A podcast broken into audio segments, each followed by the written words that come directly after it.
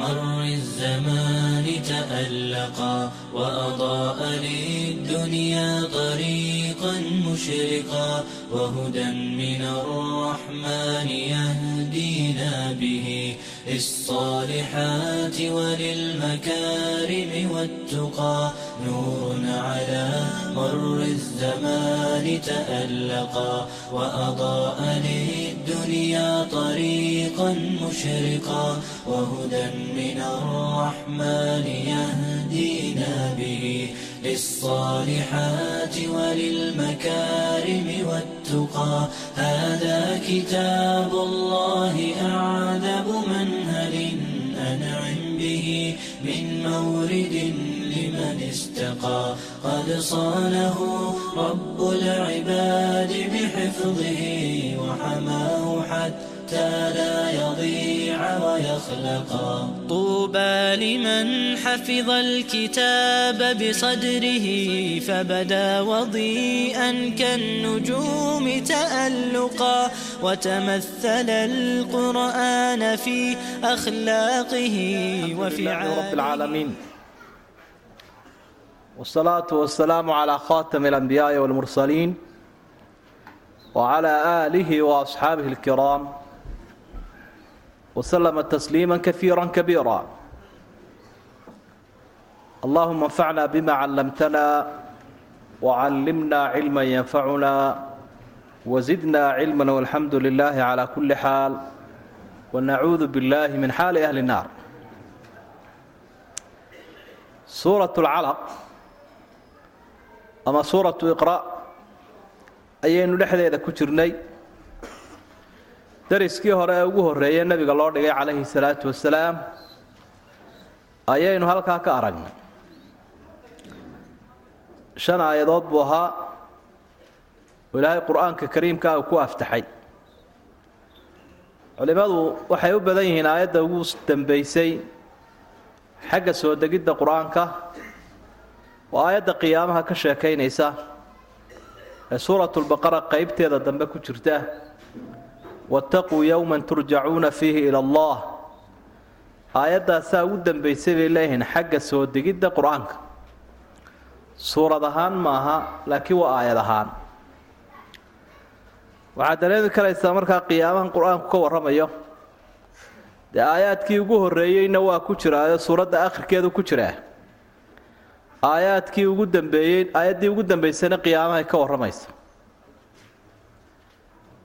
taasi waa taa weeye. Waxaa kalaynu ka faa'idaysanaynaa kalaamka ilaahay waa kalaam culus weeye. Miisaankiisa iyo macnihiisa iyo balaaqadiisu leeyahay. Inaan la yaraysan karin kolka. Dariskiisu in kastaba ha noqdee. Oo aad arkaysaa rasuulka sala allahu calayhi wasalam casharkii u horraysay ee la siiyey inuu shan aayadood ahaa. Lidaalik ba asxaabtu waxay leeyihiin qur'aanka kariimkaa waxaanu nebiga uga qaadan jirnay shan shan aayadood iyo toban aayadood iyo markaa tobankaasaanu macnahoodana fahmi jirnay soo xafidi jirnay kuna camal fali jirnay. Saddexdaasaa la ysku daraya alxifdu walmacnaa waalcamal. In la xafido oo macnihiisana la fahmo laguna camal falo intaa jeer isku darno qayb kale kumaanaan dari jirin bay idhaaheen oo maanaan sii biirin jirin ama maanaan kordhin jirin. Waxaa haddaba ilaahay aayaadkan markii u horraysaba uu ku xusayaa dariskaa hore u soo raacayay nebiga calayhi salaatu wasalaam. Dadka uu ugu necab yahay oo agaal ama cidda diinlaawaha la idhaahdo edabdarrada iyo anshaxumada uu samaynayo ayaa ilaahay ummadda uga degaya. Indhaha ummaddana wuxuu ku jeedinayaa xishood la'aanta iimaan laawaha. Qofka aan xishoonayn waa qofkaan iimaan lahayn. Lianna alxayaa'a min aliimaan. Ilaa xishoodku iimaanku ka mid yahay. Qofkan ilaahayna kama xishoonayo rasuulkana kama xishoonayo ciddii xishood mudanna kama xishoonayo. Markaasaa ilaahay waxa uu halkan aayaadkan ku soo dejiyey nin abujahal la odhan jiray. Jahliga aabbihii. Abulxikam baa la odhan jiro abulujahli baa loo bixiyey. Xikmadda aabbaheed baa la odhan jiroo dabeedna waxaa loo bixiyey jahliga aabbihii. Gaalile xikmad ma lahae hadduu xikmad lee ilaahay buu rumaysan lahay ninkaa isaga ah dhib badan buu ku hayay nebiga calayhi salaatu wasalaam iyo asxaabta intaba. Maalintii beder baana la dilay. Beder ayaa garhka dhulka loo daray. Halkaasuu ku halaagsamay isaga iyo saaxiibbadiisii kale laga fadhihi lahaa. Ninkaa isaga ahi waxa uu canaantay saaxiibbadiioo waxa uu idhi lain ra'aytu muxamadan yusallii cinda alkacba la ata'anna calaa cunuqi. Miyuu dhexdiinnunbuu foorfoorarsadaa moxamed oo salaadaha uu sheegaya halkaa dhexdiinnuu ku tukadaa miyaa? Wallaahi mar qura haddaan arkay isagoo tukanaya inaan qoorta kaga joogsan doono oo aanay u suuro gelaynin inuu mar dambe halkaa kacbada agteeda foorfoorsado ballantaasuu qaaday masuu fulinin. Nebigana waa loo sheegay arrintii dhaartiisii oo waxau idhi lain facala la akhadathu lmalaa'ika xadiidku waa saxiix weeye oo bukhaari baa warinaya min xadiid ibni cabbaas. Hadduu isku dayi lahaa arrintaa dee malaa'igtuunbaaba waslad waslad u kala jari lahayd riwaayinka qaarkood say tilmaamayeen meeluu marayba lama arkeenba. Waana u dhaqan. Qofka shayddaanka u heeriyeysan ee shayddaanka u rarani ma jecla addoon ilaahay u cibaadaysanaya. Ma jecla.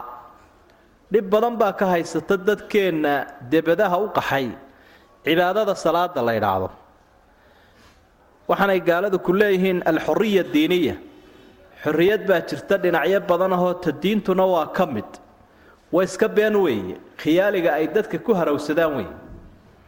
Dadku dhibku waxa uu ka haystaa siday u tukan lahaayeen.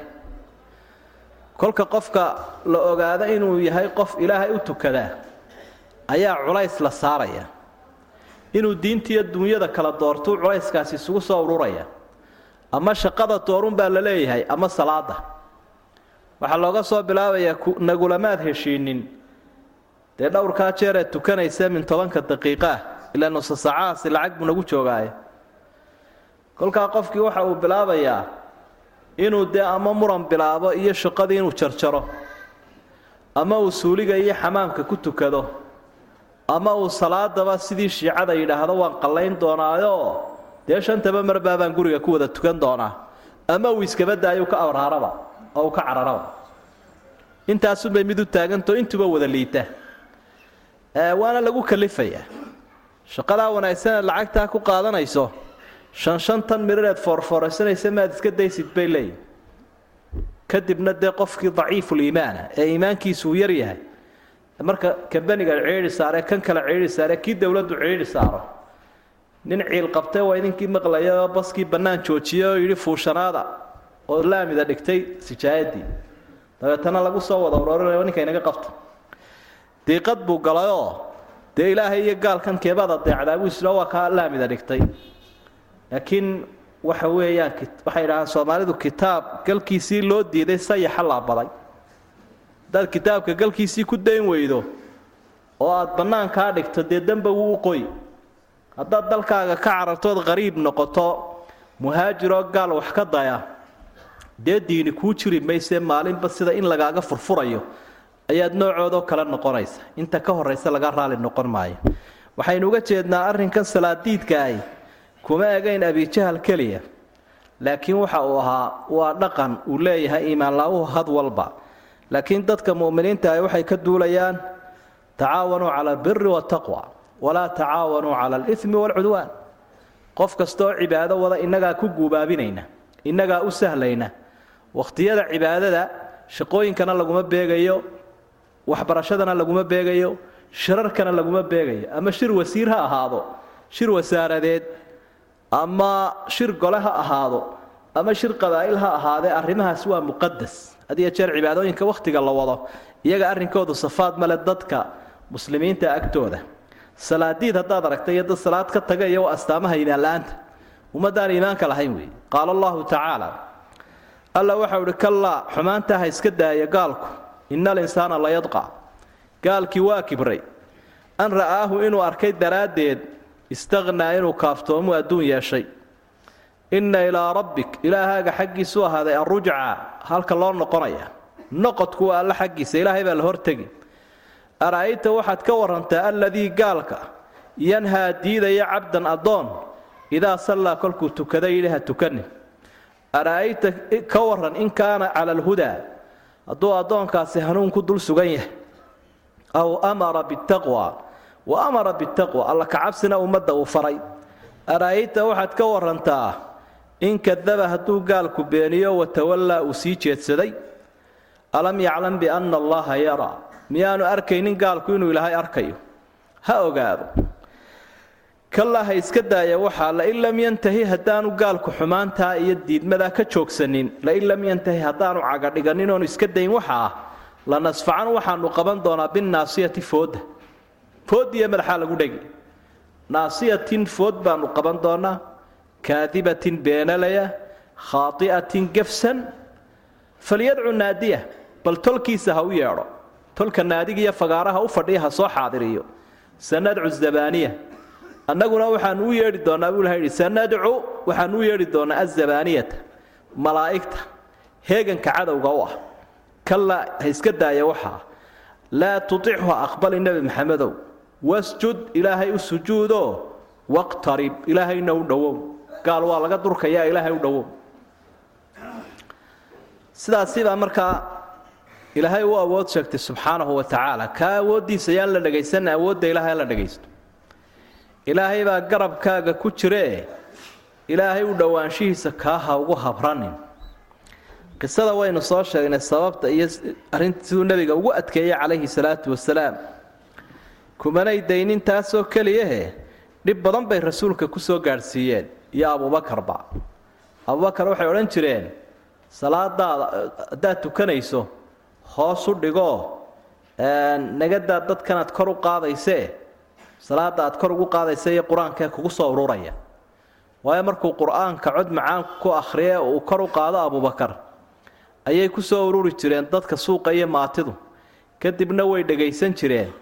Luqadii carabigana dad si wanaagsan u garanaya weeye markaasuu qur'aankaasi saamayn jiray. Dad baa ku islaami jiray kolkaa dabeetana waxay yidhahdeen idaacaddiisa ha inaga baktiyo halkaa arrinkaa uu inagu soo furay aan iska aamusiin. Rasuulka sala allahu calayhi wasalam mar kale waxaa dhacday iyada oo uu kacbada agteeda ku sujuudsan yahay in nimanka gaaladu intay wada hadleen la yidhi bal waa ka maxamed halkaa foorfoorsanayee? Carwaa kumaa qaadaya neefka halkaa ku baktiyey calooshiisa iyo uurku jirtiisa neefkaa xoolaha ahee geela ah uurku jirtiisa iyo wasakhdiisa yaa qaadaya oo maxamedoo sujuudsan dusha ka saaraya. Markaa waxaa soo baxay ashqal qowm qoladii meeshaa joogtay kii ugu gaalsanaa ee laodhan jiray cuqbat bnu abi macay nebigu dhakada ka saaray calayhi salaatu wasalaam sujuudsan. Isaguna xidhiidhkii allah u socda eh. Waxaan uraya iyo waxaan qoyantoona muu dareemine? Sujuuddiisii buu iska sii watay. Inantiisii faadima markaa soo cararto intay ka tuurtay iyagiina cayday oo u kala tirisay dhibka rasuulka soo gaadhay sala allahu calayhi wasalam dhinac walba wuu lahaa. Xidhiidhka ilaahay iyo isaga uu la leeyahaybaa halkaa uu ka gaadhay. Tanna taasunbay la mid ahayd kalaa ina alinsaana la yadqa insaankii duqyaan buu ku dhacay. Wamaa waraa'a duqyaan ila alifsaad. Haddii insaan kibrana dee waa ifsaadu dhulbi isnimo. Aadame kibray arrintiisu waxay ku soo ururaysaa uun inuu dhulbi'iyo dad iyo dalba uu fasahaadinaya an ra'aahu istaqnaa inuu arkay inuu qani yahay. Oo cidigama adduun roono oo cidigama awood badno oo cidigama taageero badna. Markuu rasuulku u hanjabay sala allahu calayhi wasalam uu iska waabiyey ayaa wuxuu idhi maxaad iigu hanjabaysa amaa wallaahi innii la akaru haada alwaadi naadiyan deegaankan oo dhan ninka ugu tol badan waa aniga. Miyaynu isku safaadaynaa kugu qumbacan maaye. Meeshan dadka degan oo dhan aniga ugu tol badane maxaad iigu hanjabaysaa buui maad hanjabaadaydun iska aqbasha? Inaad mid ka hor keentaba ma ahayn. Marka laba arrimood buu ku kibrayoo ta u horraysaa waxa weye an ra'aahu istaqnaa oo ah inuu ilaahay adduun siiyey iyo inuu ilaahay ubad iyo awood siiyey. Labadaasu markaa ayuu ku faanayaa dad iyo duunyu dad baa taageerayaale ah i ah iyo duunyaan haystaa. Waa xoog iyo xoolo. Jaahiliyadu waa waxaas.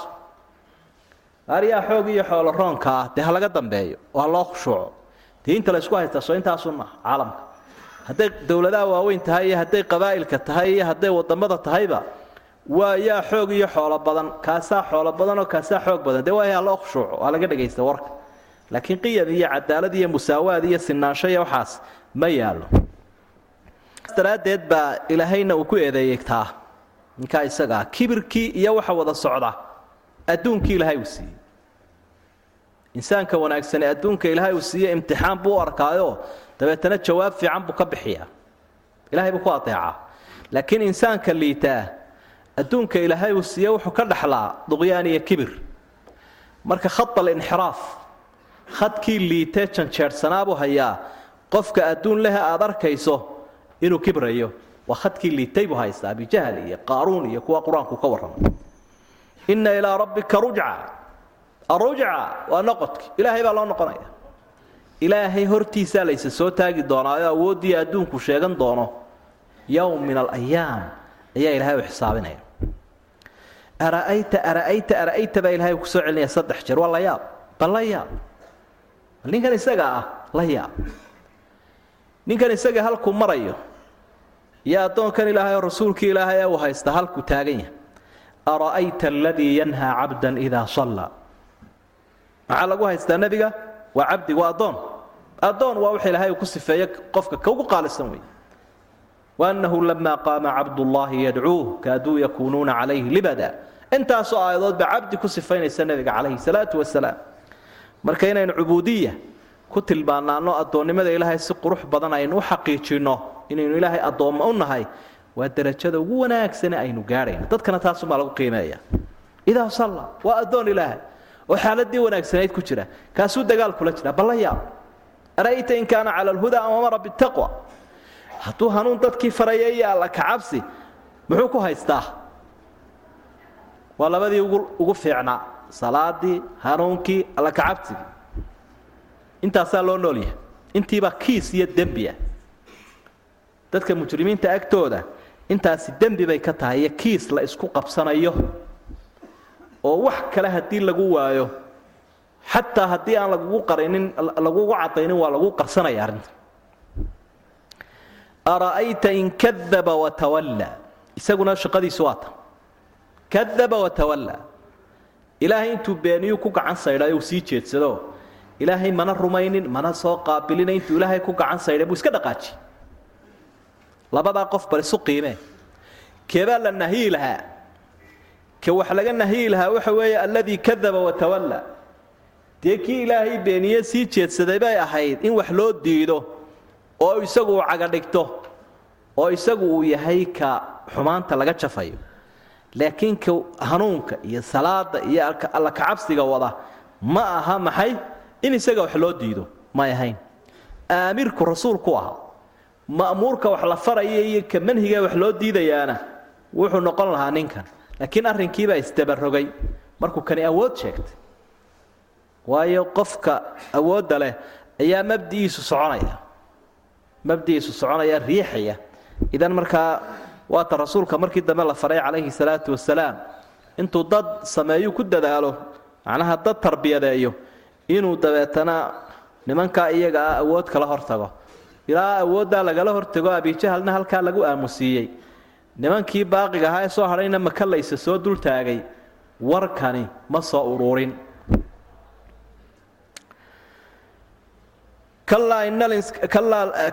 kallaa oo soo noqnoqonaysa waa kelimatu radcin wa zajrin kelimad huruuf iyo hanjabaad iyo diidma ku jirta wey.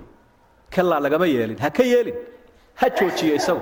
Adigu ha joojinin xaqaaga laakiin isagu ha joojiyo ha ka hadho lain lam yantahi lanasfacan binnaasiya. Naasiyatin kaadibatin khaaia hadduu joogsan waayo isagu inta loo joojiyo iska daa loo joojin ma hadduu isagu joojin waayo hanjabada ilahay baa ka dhacday. Waxaan qabanayaa fooda baa ilahay uhi. Lanasfacan safcigu waxa weeye waa dhufashada. Qofka aada loo soo dhufto waxaa la dhufan doonaa si adag loo soo dhufan doonaa. Madaxaa la soo qabanaya. Marka naasiyadii baa halkan ilaahay uu tilmaamayoo markaasuu sii sifeeyey waa naasiyad naasiyaddu waa fooda qaybtan hore madaxa madaxa qaybtiisan hore fooda la ydhaa timoolaydaa fooda wey isagaa beenaalo ahoo gefsan. Jidhkiisa haddii qayb ka mida la sheegay. Isagii unbaa sidan qofka ku tilmaaman ee intiisa kalaa nadiifoo run sheegaysa oo xubinkan weeye macnuu maaha laakiin dhammaantii waa wada noocan. Meelo dhowrana nusuustu way tilmaantaa naasiyadaa suurat raxmaan ayaa rabbuna subxaanah waxa uu ka warramayaa nimanka gaalada ah iyo sida uu u ciqaabayo. Wayukhadu biاnnawaasi wاlaqdaam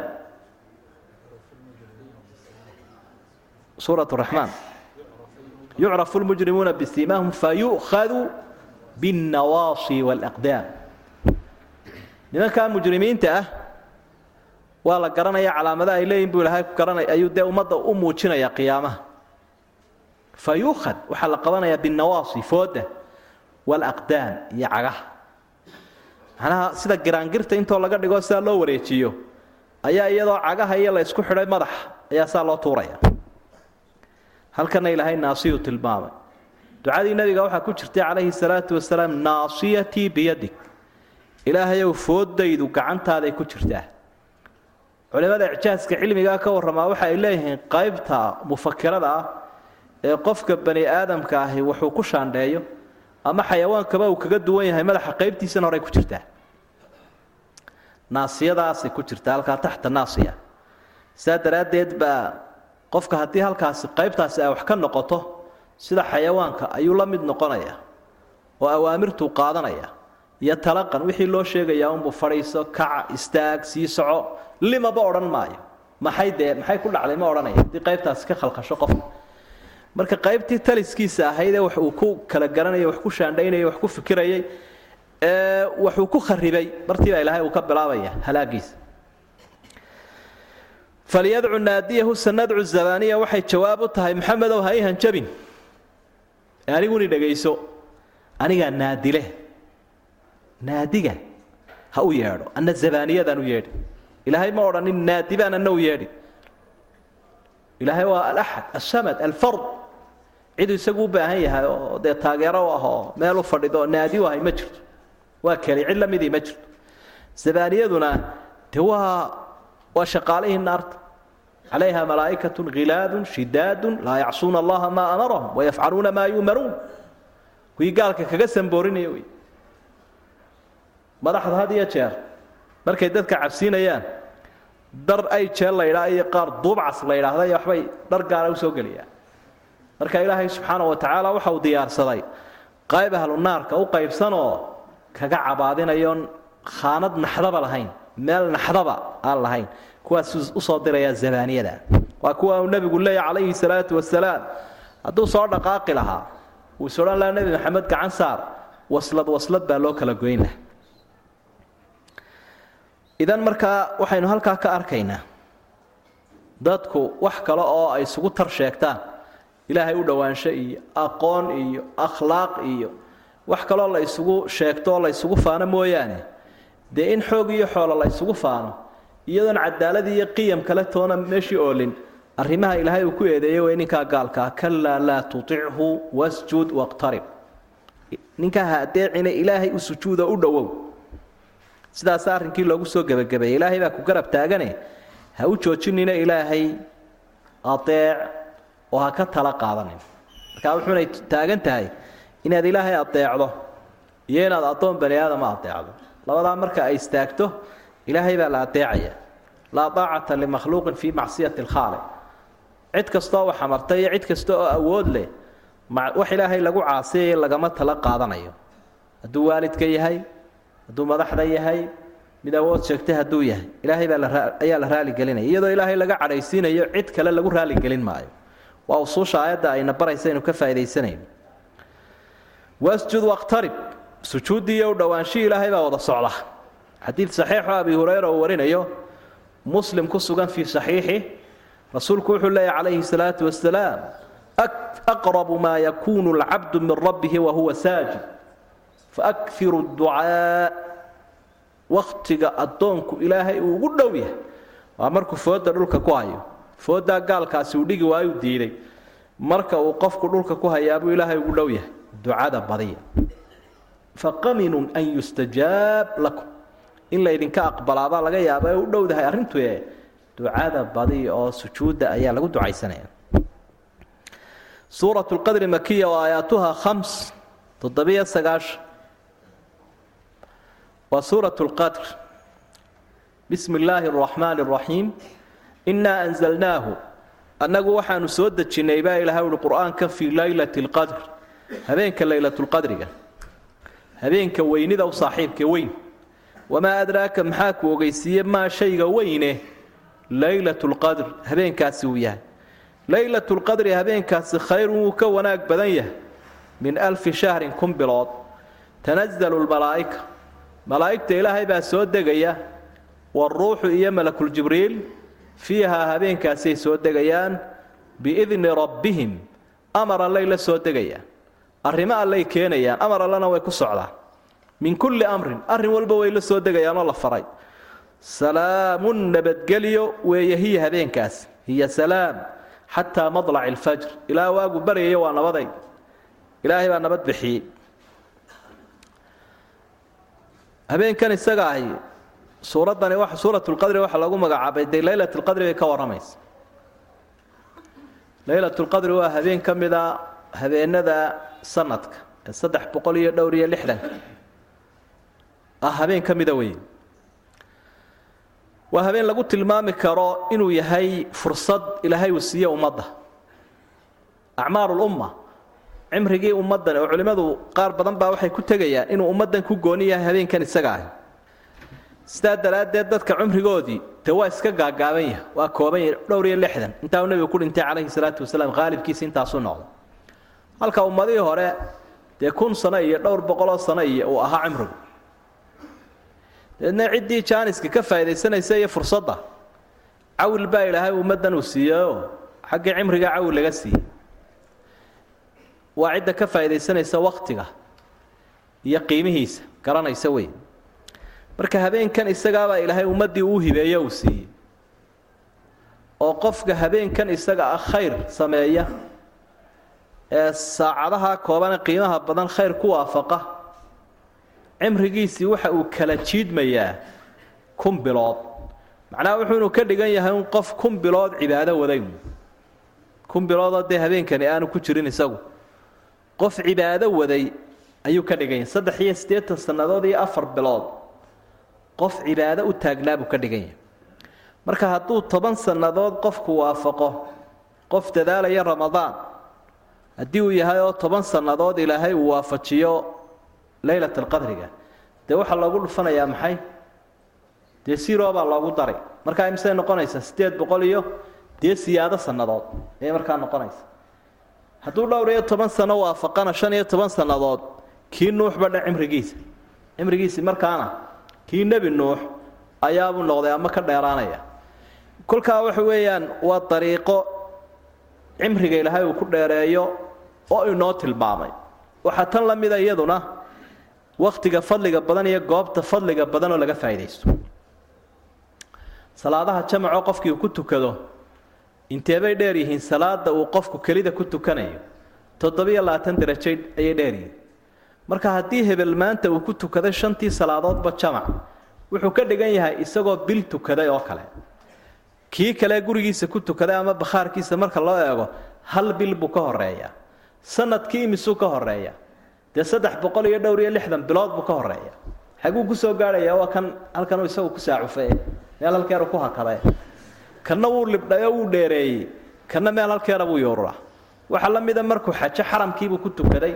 Salaadii xaramka maxaa la yidhi? Waxay udhigantaa boqol kun oo salaadood waa imise waa imise sannadoodba iyaduna udhigmaya kullu daalika waa fursado uu ururinayo qofka muuminkaayo waa kayfiyatun yastatiicu linsaanu an yutiila biha cumrah biirshaadaat illaah waa dariiqo uu qofka bani aadamka ahi xor u yahay oo cimrigiisa uu ku dheeraynayo. Kadib markuu tilmaanta ilaahay qaatay. Marka waxaa lagu leeyahay ma cimrigi jiryo baad noqon oo cimrigaa dheeraysan.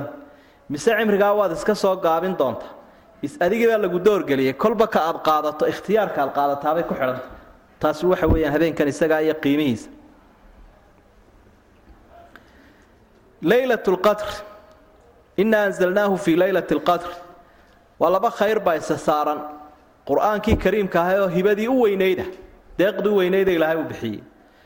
Iyo hibadii wakhtiga u qaalisanayd labadaasaa isla hesheen. Marka qur'aanka qiimihiisii iyo habeenka qiimihiisii labadiiba halkan ka muuqanayaan. Qur'aanku inuu qiimo badan yahay dee habeenkaasaabuu soo degay. Habeenkaasina ramadaan buu ku jiraa. Habeenkaasina waxa weeye ramadaan. Laylat lqadr waxaa loogu magacaabay weynaanta. Uu habeenkani weynaya qadarkiisa. Wamaa qadaru llaha xaqa qadri. Ilaahay weynaantii uu mudnaa may weynaynin. Laylat lqadr waa habeenkii wax la qadarayayna waa lagu fasirayoo. Fiiha yufraqu kullu amrin xakiim. Amran min cindina habeenkaasaa la qorsheeyaa malaa'igta loo sheegaa sanadka wixii ay fulin lahaayeen biidni rabbihim min kulli amrin. Arrimo badan bay la soo degayaanay habeenkaa wadaan. Waa habeen wax la qadaray waxaa qadri loogu magacaabay ama waa weyn yahay ama waxbaa la qadaray. Habeenkan dee qur'aanka waxaynu ognahay in la soo dejiyo saddex iyo labaatan sano uu soconay. Laakiin si duuduubaba caalamka kore intoo looga keenay ayaa la keenay xagga soko tafaariiq baa nebiga loogu soo dejinaya markaa habeenkaasuba xagga sare laga keenay laakiin saddex labaatankan sane nebiga lagu soo dejinaya xagga soko ka soo degay. Saasay markaa ku fasirayaan culimadu. Inaa anzalnaahu fii laylati lqadr habeenkii in qur'aanka la dejiyey ilaahay waa tilmaamay habeenkan. Waxaa kaloo qur'aanka ilaahay uu tilmaamay inuu bisha ramadaan soo dejiyey shahru ramadaan aladii unzila fiihi lqur'aan bisha ramadaan fadligeeda waxa kuugu filan dee waa bishii qur'aanka ee qur'aanka la soo dejiyey. Marka waxay la mid tahay habeenkanaa ku jira ramadaan bay ka dhiganta. Kol haddii lagu yihi qur'aankii waxa la soo dejiyey habeenka mar labaad la yidhi qur'aankii waxa la soo dejiyey ramadaan. Taasi waxay la mid tahay habeenku wuxuu ku jiraa ramadaan buu ku jiraabay ka dhiganta. Oo laga fahmaya labada aayadood ee suuratulbaqara iyo suuraddan marka la isla akhriyo wamaa adraaka maa laylat lqadr wamaa yudriika iyo wamaa adraak yudriika lama sheego laakiin adraak waa laga jawaabaa qur'aanka ilaahay waa kaga jawaabaa maxaa ku ogeysiye habeenkani wuxuu yahay istifaamkaasi wuxuu tilmaamaya arrinkiisoo la weynaynayo laylat lqadri khayru min alfi shahr kun bilood buu habeenkaasi ka khayr badan yahi macnaha wuxuu kaga khayr badanayaa un wax xagga camalka waktigii iyo shaksigii iyo goobtii intiiba way kala khayr batan dadkuna uu kala khayr badan yahay waktiguna uu kala khayr badan yahay. Waxa kala khayr badan isaguna goobtii goobtii waktigii dadkii camal iyo u dhowaansho alleh iyo qiimo dheeraad uhuu leeyahay baanay ku kala dheeraad leeyihiin oy wax ku kala fadilan yihiin intaasiba. Marka habeenkan isaga ahi kunkaa bilood ayuu kun bilood camalkii la samaynayay waxaa ka khayr badan habeenkan camalka la sameeyo marka qofka dee ayaan lihi waa waxa uu ka faa'idaysanayaa wakhtigaa ilaahay uu sheegay wuxuu samaynayaa siduu nebigu faray calayhi salaatu wasalaam samayn jirayna. Man qaama laylata alqadri iimaana waxtisaaban gufira lahu maa taqadama min denbi habeenkaa qofka qiyaam iyo cibaada isu taaga ee ku qaata dikri iyo diin ayaa khayrkaa helaya. Tanazalu lmalaa'ikatu waruux malaa'igtiiyo ruux waxa weeye ruux waa malaku jibriil. Malaa'igtii la sheegayo waa ka mid. Laakiin cayimaadda si gaara ilaahay u cayimaya waa sharaftiisoo dheeraada daraaddeed. Iyo fadliga u fadli badan yahi malaa'igta. Lilmalaa'ika waa min afdali lmalaa'ika biidni rabbihim bay ku soo degaanoo ilaahay bay fasaxiisa ku yimaadaan. Wamaa natanazalu ilaa biamri rabbik. Ilaahay oo na fasaxun baanu ku soo degnaaye. Markuu nebigu malaa'igta ku yidhi maxaa iigu iman weydeen dee iskama soconno una waxaanu ku nimaadnaa fasaxa leh. Ilahay baana soo fasaxa. Marka biidni rabbi ilaahay baa soo degiddaa ay soo degayaan iyo arrimaha ay wadaanba faray. Min kulli amrina waxay tilmaamaysaa waa taa aayadda kale fasiraysa fiiha yufraqu kullu amrin xakiimin amran min cindina. Go'aan kasta iyo amar kasta iyo qadar kasta iyo qorsho allah oo ilaahay xaggiisa ka yimi la imanaya. Maxaa dhimanaya? Maxaa dhalanaya dadkeebaa cisoobaya dadkeebaa dul lagu ridaya. Maxaa madar la shubaya? Isbedeladaasoo dhan. Salaamun hiya xataa madlaci ilfajri waa nabadgelyo habeenkaa isaga. Ilaa waagu ka baryayo axaadiid dhowra baa ka soo arooray rasuulka sala allahu calayhi wasalam oo saxiixa oo tilmaamaya habeenkaa isaga inuu ku jiro tobanka dambe weliba tirada isdhimana intaasaa laga baadi doonaya. Waaba la inoo soo ururiyeyba amaarado iyo astaamo gaarana waa leeyahay habeenkaas. Bisha ramadaan baana aada looga warramaa. Habeenkaa iyo fadligiisa oo macluumaadka habeenkaa ku saabsan dadku iminka kama jaahil ahaa ee aad baa loo yaqaanaa. Sidaa daraaddeed baynaan ugu sii xeel dheeraanayn. Nabadgelyaa jirta ilaa waagu barya waxaa laga nabadgalay shaydaan oo waxaa laga nabadgalay waswaaskiisii oo waxaa laga nabadgalay aqbal la'aan oo waxaa laga nabadgalay warwarkii addoommaha haysan lahaa ciddii ilaahay caabudaysa. Idmi'naan iyo deganaansho cibaadadu ay leedahay weeye waa salaamun fi lwaaqic waa salaamun fi damiir wa salaamun min ashaytaan intaba waa laga nabadgalay wa salaam min cadab alqabuul inaan camalkii laga aqbalin ayaa iyadana laga nabadgelaya nebi maxamedna calayhi salaatu wasalaam duco kooban buu inoo laqimayo cid kaleba daayo islaamaha aan waxba akhrin ay fahmayaan caaisha nebiga su'aal bay weydiisa waxay tihi hadduu alla i garansiiyaba habeenkaa maxaan idhaahdaa? Allaahumma inaka cafuwun tuxibu lcafwa facfu canii intaasuu nebi waa iska koobantay qof waliba waa xafidi kara. Suuradda sideed iyo sagaashan waa suuratu lbayina madaniya wa aayaatuha amaan suuraddan iyo ta ku xigtaa waxa weeye qur'aanka madiine ku soo degay iyo idaa jaaa nasrullah suuraddu waxa ay ka warramaysaa dhowr maqtac ama qaybood bay u qaybsan tahay waaqica u horreeya ka warramaysaa waxa weeye. Nimanka gaaleed hadday yihiin kuwii ahlu kitaabka ahaa iyo hadday yihiin kuwa mushrikiinta aba diin la'aan baa ku dhacdaye waxa toosin karaoo wax ka bedeli kara diin. Intooda ilaahay hanuun la doonay. Waxa labaadoo ay tilmaamayaan aayaadku.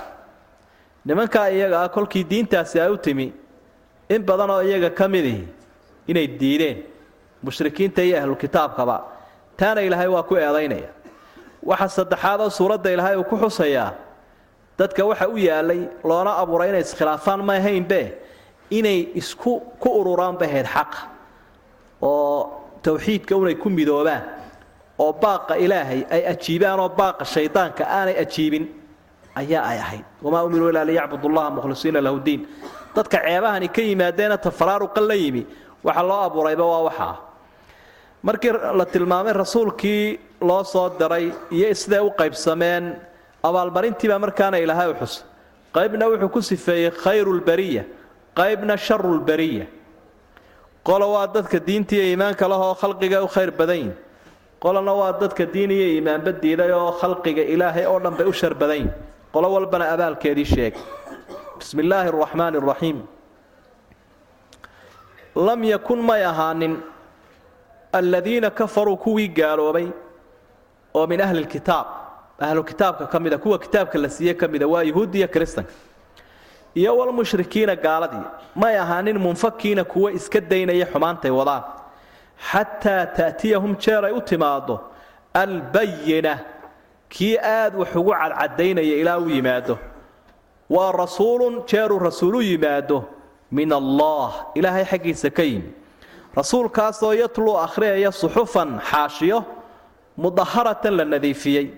Fiihaa waxaa ku sugan xaashiyaha ah kutubun axkaam qayimatun toosan.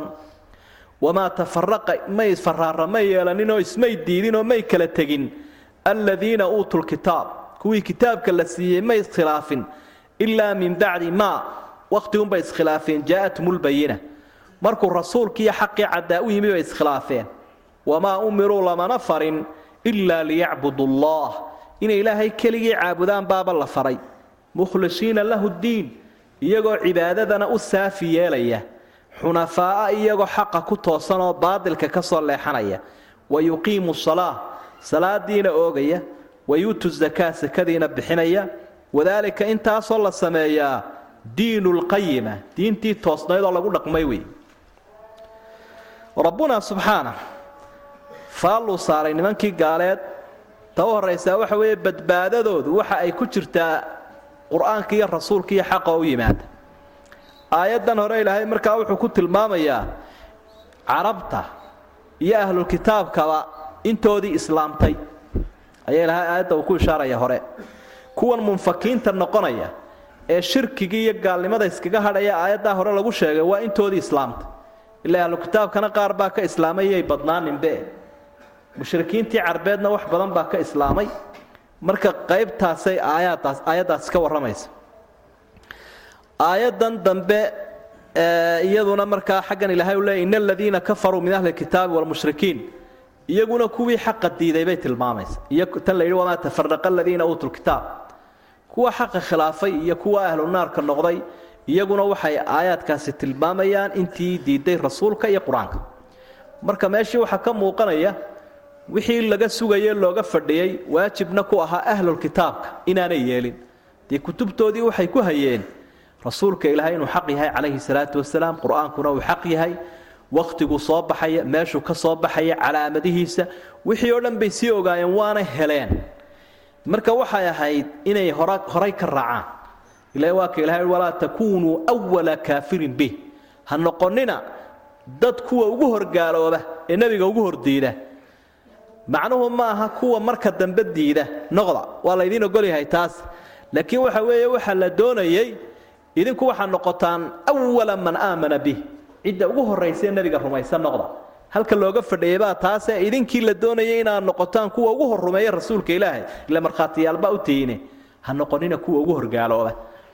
Marka dabeedna halkan aayaddu intaasay ayay macnaheeda saasaa lagu fasiray. Qaybtii rumaysa iyo qaybtii oo la kala qaadayo mid walbana qiimayntiisa ilaahay uu saaraya subxaana. Ubay ibnu kacb asxaabigii la odhan jiray qaariga ahaa nebigu calayhi salaatu wasalaam maalin maalmaha ka mid a ayaa wuxuu idhi ina allaha amaranii an aqra'a calayk. Ilaahay wuxuu faray inaan kugu dul akhriyo suuradda lam yakun laydhaa lam yakun aladiina kafaruu min ahli lkitaab qaala wasamaanii lak. Qaala nacam fabaka markaasaa wuxuu ihi oo ilaahay miyuu magacaabay caalamka saraa ilaahay ubayigaa yar miskiinkaa ilaahay uu ka soo magacaabay ma baa ilaahay uu magacaabay markaasuu yihi haa. Kolkaasuu dabeetana jibbe iyo qiiro daraaddeed ayaa uu la ilmeeyey asxaabigu. Ilaan inaad ilaahay agtiisa magac ka yeelato wax aad iyo aad u weyn weeye oo aan addoonku addoonka gaadha ay tahay inuu ku farxo. Sidaasiba markaa suuraddu kolley nadman wa tafsiiran. Shawkaani baa waxa uu leeyahy waa suuradaha qaybteedaa hore waxay ka mid tahay suuradaha ama aayadaha ugu macno adag marka la eego tarkiibka iyo nadmiga. Ilaa culimo waaweynoo mufasiriin ay ku yara simbiraxdeen buu leeyahay. Dabeedna qowlka marka la soo ururiyo ugu soo yaro dhowdhow ama macnaha daahirka ugu yar waadixsan baa intaa aynu marinay lam yakun iladiina kafaruu min ahli lkitaabi wlmushrikiin ahlukitaabki iyo gaaladii waa isla gaalo laakiin qolana kitaab bay sii haysteen qolana way faramadhnaayeen kuwaasi may noqonin munfakiin kuwa iska daynaya xumaanta iyo gaalnimada. Xataa taatiyahum lbayina ilaa uu u yimaado rasuulkii. Rasuulkiina albayina waxaa loogu tilmaamaya waa kii rasuulnimadiisu ay caddayd isaguna wax caddaynayay. Madowsi iyo madmadowba wuu ka dheeriyey nebiga. Albayina waxaa fasiraya rasuulun min allah. Kii warkiisu caddaa wax caddaynayay. Weeye nebi maxamed waana rasuul ilaahay xaggiisa ka yimi rasuulkii oo isagu albayin ah wuxuu la yimi maxay? Wuxuu isaguna la yimi suxuf yatluu suxufan mudahara fiiha kutubun qayima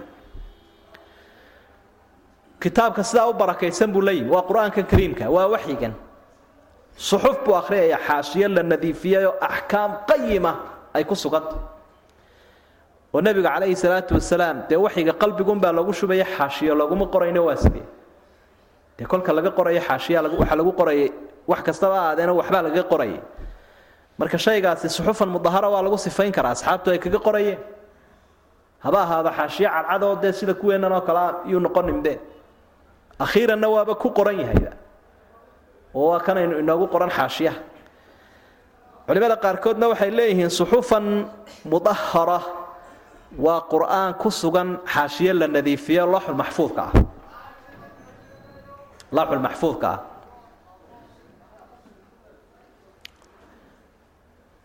fii suxufin mukaramatin marfuucatin mudaharatin biaydi safara kiraamin barara.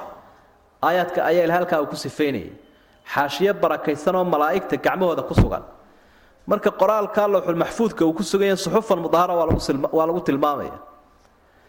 Qoraalkeennan uu ku qoranya laftiisuna waa suxufan mudahara inahu laqur'aanu kariimun fi kitaabin maknuun laa yamasuhu ila almuaharuun laa yamasuhu ila almudaharuun looma ogolo cid nadiifa mooyaane oo iimaan nadiifku ah mooye cid kale inay taabato marka nebi maxamed wuxuu u akhriyayaa waxyiga nadiifta ah ee iyo qur'aankan ay ku dhex jirto qur'aanka dhexdiisa waxaa ku jira kutubun qayima maktuubun qayima wax qur'aanka dhexdiisa ku yaallo axkaam iyo nidaam samaawi ah oo toosan marka kitaabku waa kitaab barakaysan waa kitaab mudahara waa kitaab munazala waa kitaab qayima waa kitaab bayina sifooyinkaasoo dhan buu iska leeyahay.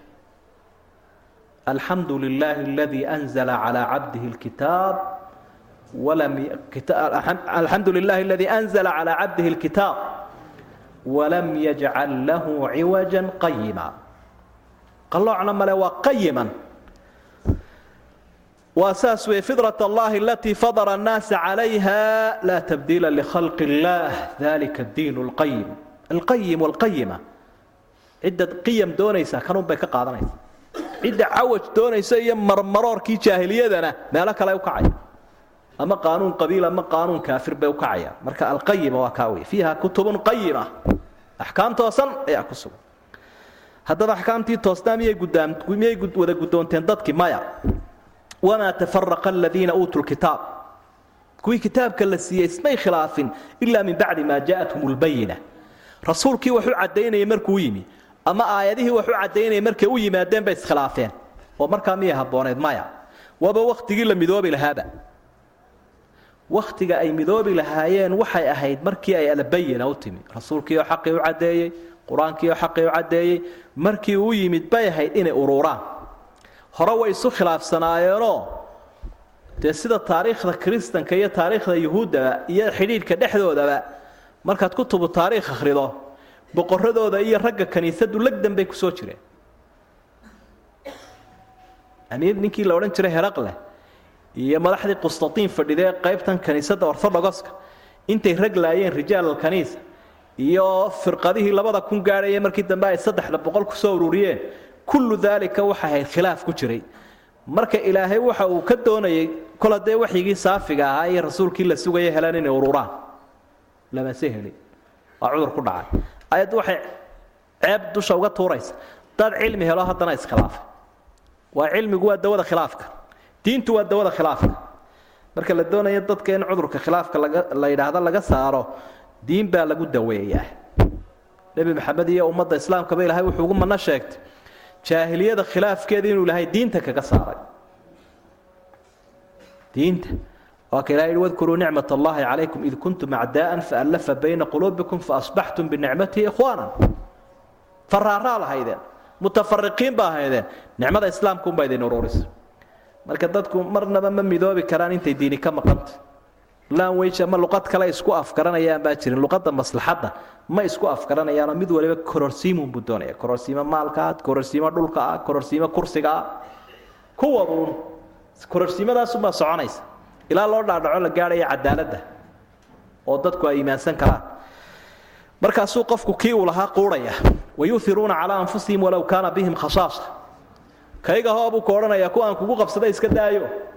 Ku qabsa ku qadimaysid waa la waayayaaye oo qofku iskaga qabso way hadhaysa.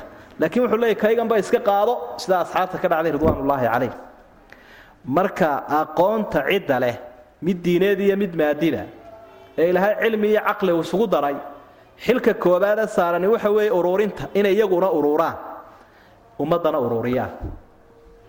Laakiin haddii ay intii aqoonta lahayd ama wadaad ha ahaado ama madax ha ahaado ama mutacalin ha ahaado hadday ummadda qaybsan tahay oy faraaraleyn qabaa'il iyo ay u qaybsamaan iyo aniga iyo annaga. Haddii casharku halkaa ka bilaabmo dee maxaa soo ururaya? Ma islaamaha ururaya talow? Mise ardayda markaa ma inta kalena faraarahooda wuu ka sii daran yahay? Kaayagiibaa sidan yidhi ka bilaabmayso weligeed way soconaysa.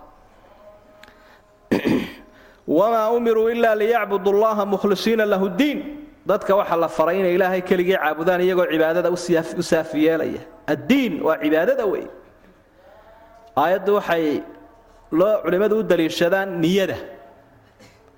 Waa min adilati niya inama alacmaalu binniyaat. Iyo sida aayaddan oo kale dadka waxaa la faray inay ilaahay caabudaan iyagoo niyo ku caabudaya khaalisa daacadnimo iyo dareen wanaagsan. Wayuqiimu salaata wayuutu zakaata wadalika diinu lqayima diinta toosani waa ta. Diinta toosani waa diintaa nebi maxamedna lagaga dayanaya daacadnimana weheliso kaasaa camal wanaagsan la ydhaha ina aladiina kafaruu kuwii gaaloobo min ahli lkitaab kuwa kitaabka la siiye ka mid ah. Iyo walmushrikiina gaalada fii naari jahannama naarta jahanamay bartanka ugu jiraan khaalidiina fiiha way ku waari. Ulaa'ika kuwaasi sharu lbariya ulaa'ika kuwaasi hum iyagu sharu lbariya khalqiga ilaahay bay ugu shar badayin ina aladiina aamanuu dadkii alla rumeeyey wa camiluu saalixaat fiicfiican sameeyey ulaa'ika hum iyagu khayru lbariya khalqiga ilaahay bay ugu khayr badayin jazaauhum abaalkoodu cinda rabbihim ilaahooda agtiisu ahaaday. Ilaahay agtiisu abaalkoodu u yaalla allah u diyaariyey. Jannaatu cadnin beero sugan weey oon lagaba guurayn. Tajrii min taxtiha alanhaar hoosteedana webiyaashii qur'aanku sheegaa qulquli. Khaalidiina fiiha abadan weligoodna way ku waarayeen lagama saarayo. Radia allaahu canhum ilahay baa ka raalli noqday. Waraduu canhu iyaguna ilahay bay ka raalli noqdeen. Daalika kaasi arrinkaa qiimaha badane isku hagaagay. Liman cid buu u sugnaaday khashiya rabba ilaahaysa ka cabsada ifka intuu joogo. Qofka ilaahay ka cabsanaya kaa ku guulaysta wey waxaasaa lagu helaa. Alla kacabsi baa lagu helaa khayrka.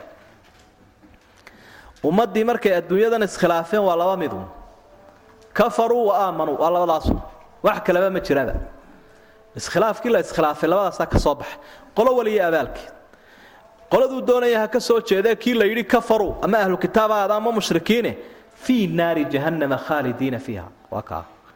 Naartaasay bartanka ugu jiraan lagamana guurayo lagamana gaboobayo mana naaqusayso mana kala tegayaan qiimayntooduna waxa wey ulaaika hum sharulbariya khalqigu ilaahay abuuray midaynu arkayn iyo midaynaan arkayn mid hore iyo mid dambeba waxa aayadda ilaahay uu ku caddeeyay waxa ugu shar badan inuu yahay iimaanlaawe insaanka ama jiniyiinsi intooda aan iimaanka lahayn ayaa khalqiga ilaahay uu abuuray ugu shar badan.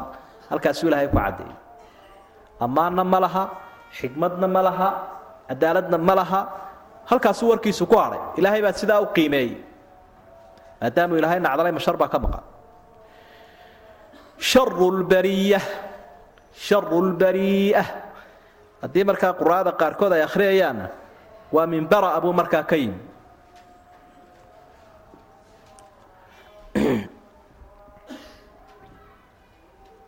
min qabli an nabra'ahaa saynu ugu soo maraynay suurat alxadiid oo kale min qabli an nabra'ahaa intaanan abuurin ka hor marka belii'ah iyo biyo beriya labadaba wasfigu waa bara'a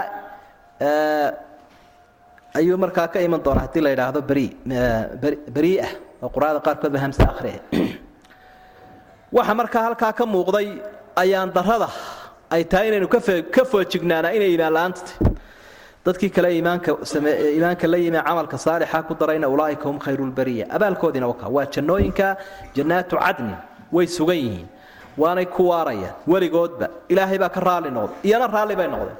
Raalli noqoshihii ilaah kol hadduu ilaahay ka raalli noqday darajadoodii way gaadheen.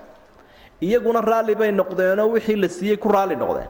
Siduu nebi maxamed calayhi salaatu wasalaam xadiidka saxiixa uu ku tilmaamayo ilaahay baa weydiinayoo le maxaa idiin hadhay ahlujannii markay kala degeen?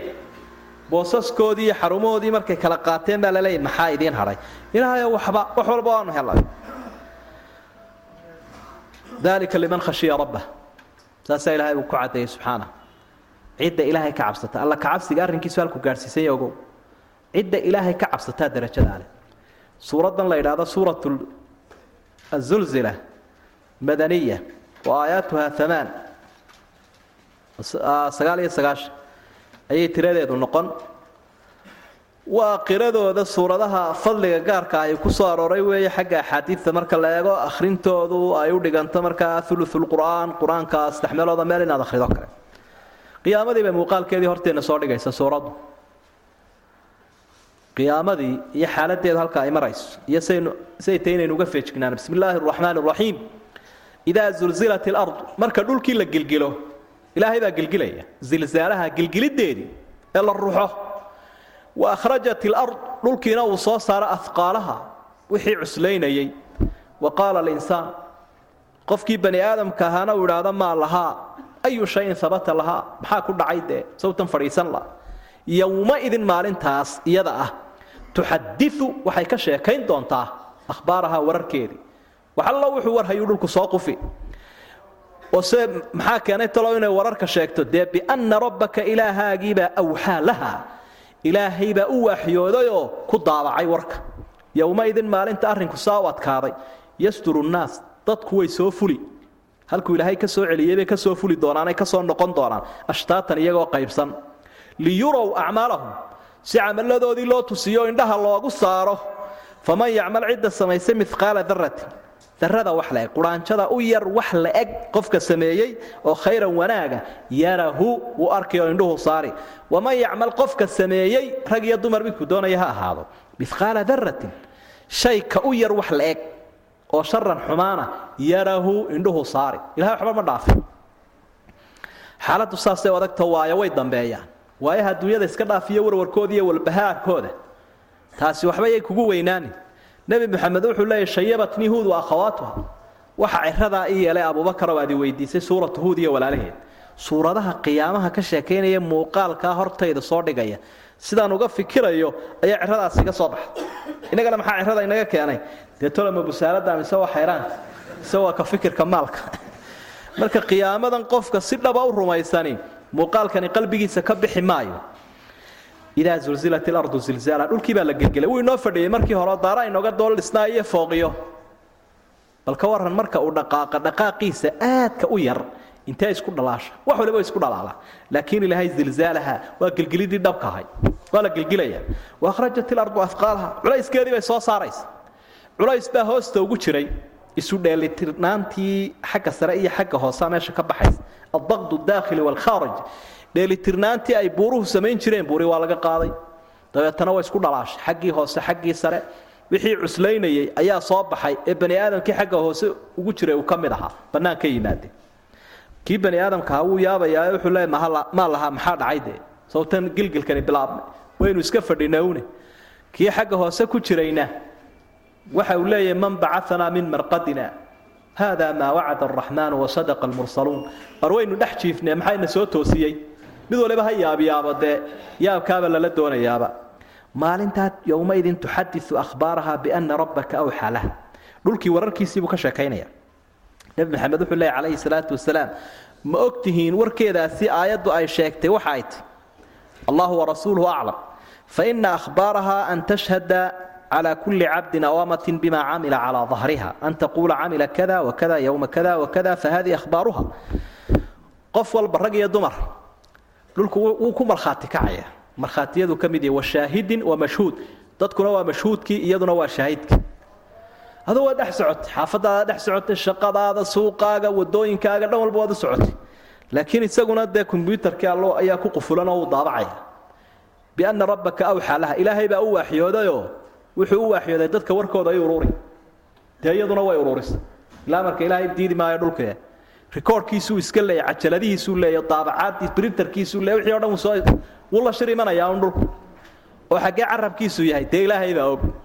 Sida xubnahaagu markhaati kacayaan buu dhulkuna u markhaati kacaya. Lidaalik ayaa nebi maxamed wuxuu sunna inooga dhigay meel khayrle markaynu u soconno inaynu kala duunno waddada sii socodka iyo waddada soo socodka. Sida ciidahoo kale.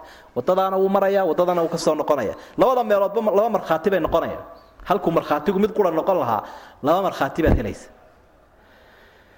alla waxau ihi subxaana isagoo tan laftigeeda ka warramaya wanaktubu maa qadamuu wa aahaarahum dadka waxaanu qoraynaa waxay horumarsadeen raadkooday dhulka kaga tegeenna waa la qoraya. Raadkaagiibuu dhulku qoraya. Marka bal haddaba ha iska qafqaflayninuune u fiirso meeshaad maraysa iyo waxaad u socoto iyo adimada waxaad u isticmaalayso. Dhulkiibaa warkii soo ururiyey ilaahay baana u waaxyooday waxna dhaafi maayaan. Yowmaidin yasturu nnaasu ashtaatan sii socod iyo soo socod bay dadku ku jiraan. Way sii socdeenoo maxsharkay ku socdeen. Iyo meesha looga baaqay. Marka ay halkaa yimaadaana la kala xisaabiyana yastur way soo fulayaan. Mid naarta ku fula xolu markay cabbaan baa laydhaa way soo fuleen oo way soo noqdeen midina naartu ku fulaya oo ku noqonaya midina jannadu ku noqonaya marka la kala xisaabiya la kala diro. Ashtaatan way kala tegsayn qoladani waa gaalo qoladanna waa islaam qoladani waa naxariis bay heleen qoladanina cadaab bay heleen kuwani waa faraxsan yihiin kuwani waa ashtaatan waa noocyo.